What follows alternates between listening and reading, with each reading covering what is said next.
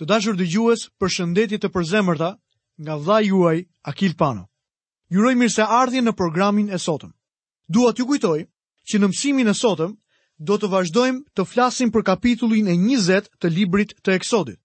Në këtë kapitull dua të theksoj që kemi përqendruar studimin ton mbi ligjin e Perëndisë. Përpara se të fillojmë mësimin e sotëm, le të lutemi së bashku Perëndisë që gjërat që ai do të na zbulojë sot t'i flasin zemrave tona. Zot sjell zemrën time përpara teje dhe të falenderoj ty që ti je Perëndi që je kujdesur dhe vazhdon të kujdesesh për jetën time. Ti je Perëndia që më ke shpëtuar mua. Ti je Perëndia që ke derdhur frymën tënde dhe natyrën tënde brenda meje. Të falenderoj Zot që ti ke shkruar emrin tim në librin tënd të jetës. Të falenderoj që sot unë jam i shpëtuar me anë të hirit nëpërmjet besimit. O Zot të lutem, zbuloje fjalën tënde në zemrën time. Ndërkohë që studiojmë o Zot librin e eksodit dhe shikojmë historinë e popullit tënd. Të lutem o Zot, hapi sytë e mi që unë mund të shikoj historinë time në pëllëmbën e dorës tënde. Që unë mund të shikoj o Zot se sa mund të gjejë zbatim fjala jote në jetën time të përditshme. Të lutem o Zot, zgjeroji kufijtë e botëkuptimit tim në Fjalën tënde, në një mënyrë o Zot që unë mund të jem një i krishterë, që të rrezatoj dhe të shfaq dashurinë dhe lavdinë tënde në botën në cilën më rrethon. Në emrin e Jezusit, Frymë e Shenjtë, të lutem na ndihmo sot në këtë studim dhe bëj që emri i Jezusit të lartësohet në jetën tonë. Në emrin e Krishtit lutemi. Amen. Në programin e kaluar, pamë që Perëndia i dha Izraelit dhjetë urdhërimet. Tani bashkë me to, ai do t'u japë udhëzime për një altar. Do të shohim që altari në atë kohë përdorej për të ofruar flijimet. Ai është shëmbëlltyra e kryqit të Krishtit dhe gjakut që Jezusi derdhi. Ky altar është ai që ndërtuan izraelitët përpara tabernakulit. Me sa duket, Kudo që shkonin, ata bënin një të tillë. Vetëm me ngritjen e tabernakulit u ngrit një altar që mund të transportohej kudo. Lexojmë në kapitullin e 20 të librit të Eksodit, vargun e 24. Do të bësh për mua një altar prej dheu dhe mbi të do të ofrosh olokaustet e tua, flitë e falenderimit, delet dhe qetë e tua, në çdo vend ku do të bëj që emri im të kujtohet, do të vij tek ti dhe do të të bekoj. Nuk përmendet që mbi këtë altar duhej ofruar një fli për mëkatin. Flitë e falënderimit na zbulojnë se për njeriun është e nevojshme të paraqesë një fli që do ta pajtojë atë me Perëndinë, dhe se Krishti bëri që ne ta marrim këtë pajtim me anë të gjakut që derdhi në kryq. Holokaustet flasin për Krishtin, vlerën dhe aftësinë e tij për të shpëtuar racën njerëzore. Ky altar duhej bërë prej dheu dhe ishte vendi ku izraelitët do të paraqesnin holokaustet dhe flitë e falënderimit. Flitë për shkeljet dhe mëkatet do t'i jepen Izraelit më vonë. Lexojmë vargun e njëzet e pesë. Dhe në rast se do të ndërtosh për mua një altar me gurë, nuk do ta ndërtosh me gurë të latuar, sepse duke ngritur mbi to daltën do t'i ndotësh. Në këtë varg gjejmë një mësim mjaft të rëndësishëm.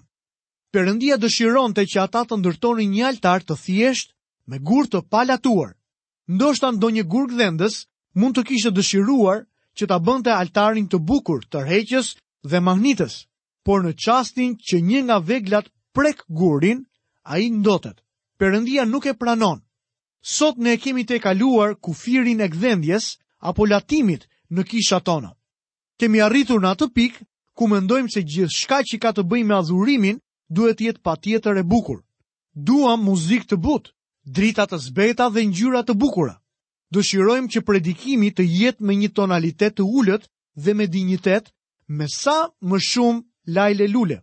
Më duhet t'ju them se ne e kemi kaluar një periudhë të tillë. Kemi parë se liberalizimi i ka zbrazur kishat tona. Nuk ka asgjë të keqe me një vend të bukur adhurimi. Unë jam për një muzikë të bukur, drita të qeta dhe të folur të ëmbël. Por kur ndonjëra prej këtyre gjërave zbeh mesazhin e kryqit dhe e largon vëmendjen nga Zoti Jezu Krisht që vdiq mbi atë kryq, atëherë ne ose me dashjen ose pa dashjen tonë kemi fyer Perëndinë. Perëndisë nuk i pëlqen kjo gjë. Kur apostulli Pal shkoi në Korint, ai vuri re se ata ishin shumë filozofikë. Shumë prej priftërinjve të lidhur me paganizmin përpiqeshin të identifikoheshin me gjithë mëkatet e Korintit. Kur arriti Pali, shumë prej filozofëve të atjeshëm dëshironin të debatonin me të, të diskutonin e të tingëllonin sa më shumë intelektualë që të ishte e mundur në sytë e turmës. Një situatë e ngjashme u zhvillua edhe në Korint. Korintasit po rendnin për të gjetur kënaqësi dhe përgjigje për gjithçka gjithandej, në të gjitha drejtimet.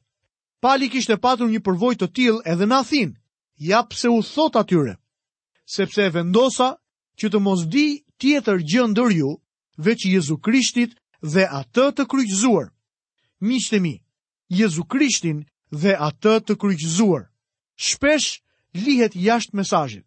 Mua nuk më intereson se sa e lartë është këmbanarja apo sa larg dëgjohen këmbanat e kishës tuaj, sa e bukur është shenjtërorja, apo sa e ëmbël është edhe muzika, as sa i arsimuar apo i kualifikuar është predikuesi juaj.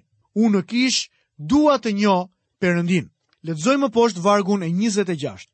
Dhe nuk do të ngjitesh në altarin tim me anë shkallaresh, me qëllim që mbi të të mos zbulohet lakuriqësia jote. Shumë njerëz dëshirojnë të ndërtojnë shkallare madhështore për tek altari. Kjo do të ishte një gjë e përshtatshme dhe funksionale. Por në ato kohëra, edhe burrat mbanin veshje si funde ose fustane dhe për t'u ngjitur nëpër shkallare do t'u duhej të ngrinin fundin e rrobës e kështu do të zbulonin lakuriqësinë e tyre. Kjo është arsyeja që Perëndia thotë, Nuk dua ta shoh lakuriqësinë tuaj. Perëndia nuk mund ta përdorë atë që është nga mishi. Më lejoni ta bëj këtë gjë më personale.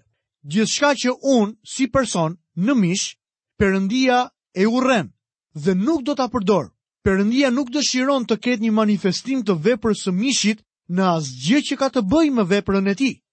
Duhet të ruhemi nga kjo gjë. Më shqetëson fakti kur ndonjëherë shoh vetëm predikuesin dhe jo atë për të cilin ai predikon. Personalisht, nuk më pëlqen që njerëzit të më thonë, edhe një predikim tjetër i bukur. Unë dua të predikoj për një shpëtimtar të bukur, të mrekullueshëm, dhe dua që teksa njerëzit dëgjojnë predikimin, të thonë, a nuk është i mrekullueshëm Jezusi? Autorit të këtij studimi biblik, doktor Megi, i ka ndodhur një histori shumë interesante që do doja shumë t'ua tregoja sot. Ai tregon se që kur kishte nisur shërbesën, kishte marrë shumë komplimenta nga të cilat, siç ai vetë thotë, pak ishin të sinqerta.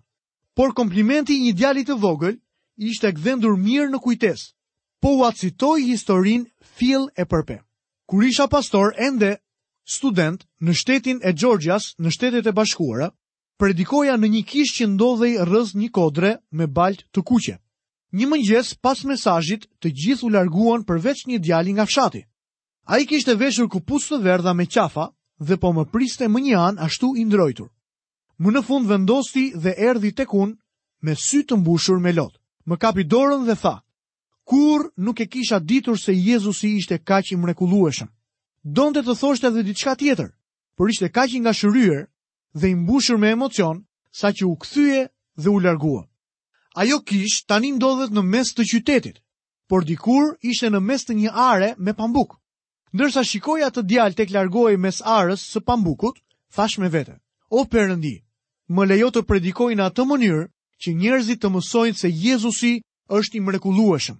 Ky po që ishte një kompliment dhe të tillë nuk kam patur shumë.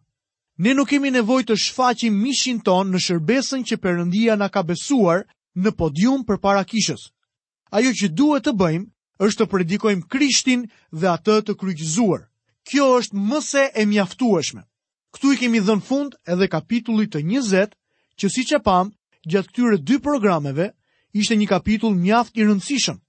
Tani do të vazhdojmë studimin tonë me kapitullin e 21 të librit të Eksodit. Tema e këtij kapitulli është jepen ligjet për shërbyesit. Ligjet për shërbyeset jepen ligjet lidhur me vrasjen e një njeriu, ligjet për vjedhjen, ligjet lidhur me mallkimin e prindërve dhe jepen ligjet për keqtrajtuesit e të tjera. Le të shohim më poshtë ligjin për marrëdhëniet midis pronarit dhe shërbyesit. Në kapitullin e 21 të Eksodit, kemi arritur në legjislacionin social. Kjo pjesë e ligjit ishte një çështje e rëndësishme për atë kohë, pasi vetë izraelitët kishin qenë skllevër në Egjipt. Do të lexojmë në librin e Eksodit kapitulli 21, vargu i parë dhe i dytë. Tani këto janë ligje që do të vësh para tyre. Në rast se blen një skllav hebre, ai do të të shërbejë për 6 vjet. Por vitin e shtatë do të shkojë i lirë, pa paguar asgjë. Këto dy vargje shprehin se izraelitët kurrë nuk mund ta bënin një prej vëllezërve të tyre skllav për gjithnjë. Lexojmë më poshtë vargjet 3 deri në vargun e 6. Në rast se ka ardhur vetëm, do të shkojë vetëm. Po të kishte grua, e shoqja do të shkojë bashkë me të. Në qoftë se zotëria i jep grua dhe kjo i lind bij e bija, Gruaja dhe fëmijët do të jenë të zotërisë dhe ai do të shkojë vetëm. Por në qoftë se skllavi thotë haptazi, unë e dua zotërinë tim, gruan time dhe fëmijët e mi dhe nuk dua të shkoj i lirë. Atëherë pronari i tij do t'ia afrojë Perëndisë dhe do ta avitë tek dera ose te shtalka, pastaj pronari i tij do t'i shpojë veshin me një fëndyell dhe ai do t'i shërbejë për gjithnjë.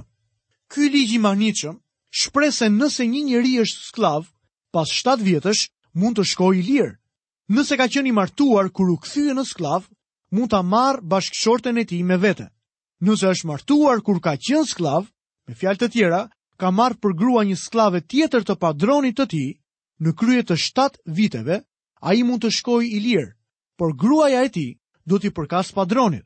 Ai do të shkonte i lirë kurse gruaja e tij jo. Megjithatë, ai mund të vendoste me vullnet të lirë të qëndronte nga dashuria për gruan dhe padronin. Nëse do të vendoste të qëndronte, atëherë padroni duhet t'i shponte veshin me një fëndyell. Kjo do të ishte një shenjë se ai do t'i shërbente padronit të tij gjithë jetën. Të dashur dëgjues, kjo është një tablo e mrekullueshme e Zotit tonë Jezu Krisht. Ai erdhi në tokë dhe mori mbi veten e tij natyrën tonë njerëzore. Ne të gjithë ishim skllevër të mëkatit.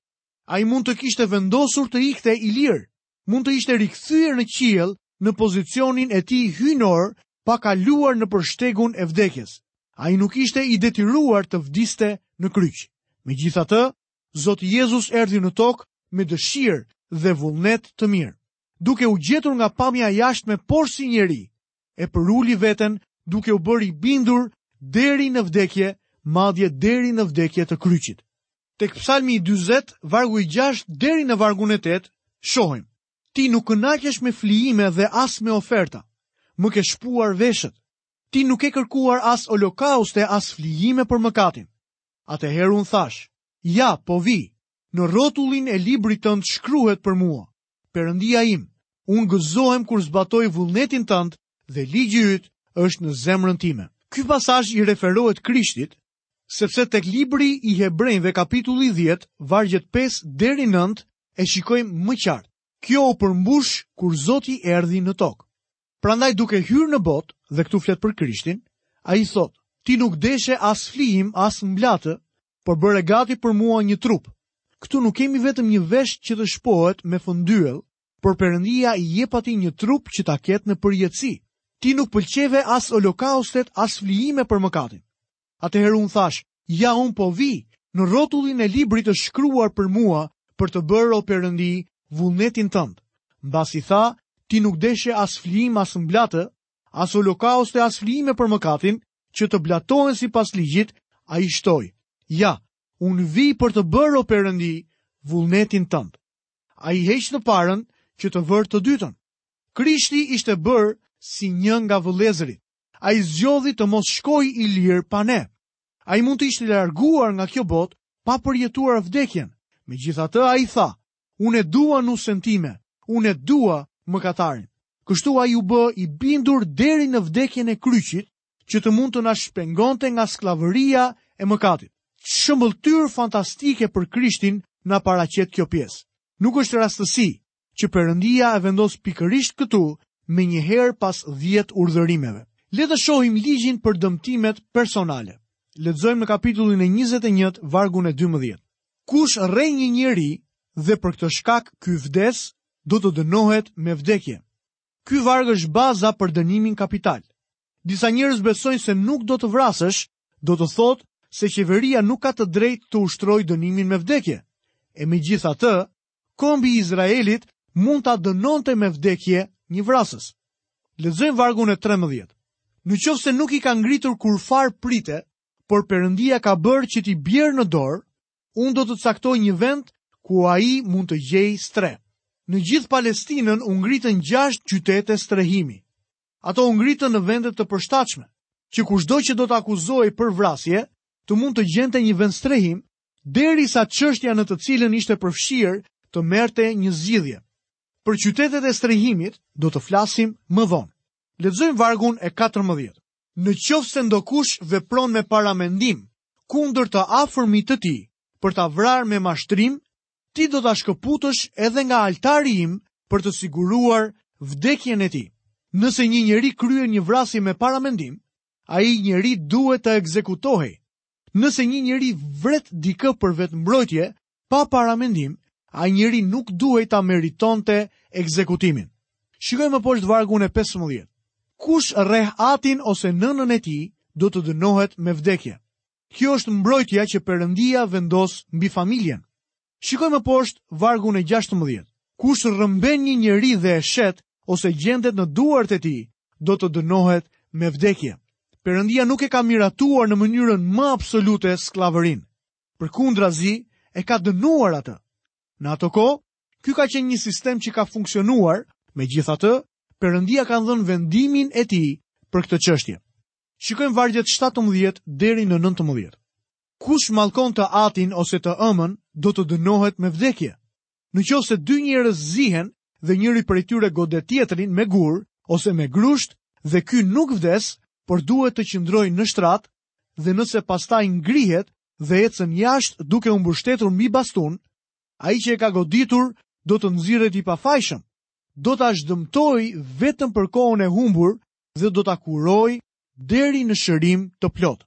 Me fjalë të tjera, ai që është përgjegjës për dëmtimin duhet të mbulonte shpenzimet për të dëmtuarin si për kohën e paaftësisë, ashtu dhe për shpenzimet mjekësore. Ligjet e mësipërme dhe ligje të tjera si këto, të paraqitura në vargjet vijuese të këtij kapitulli, janë baza e ligjeve moderne në vendet tona. Ata formojnë bazën e platformës së ligjit dhe rregullit që është kaq shumë i nevojshëm për ndërtimin e një kombi të civilizuar. Tek vargu njëzet e katër dhe njëzet e pesë bëjmë një përmbledhje duke thënë, sy për sy, dhëmb për dhëmb, dorë për dorë, këmbë për këmbë, djegie për djegie, plagë për plagë, vrajë për vrajë. E shprehur ndryshe, Këto dy vargje parashtrojnë ligjin e ndërsjellësisë.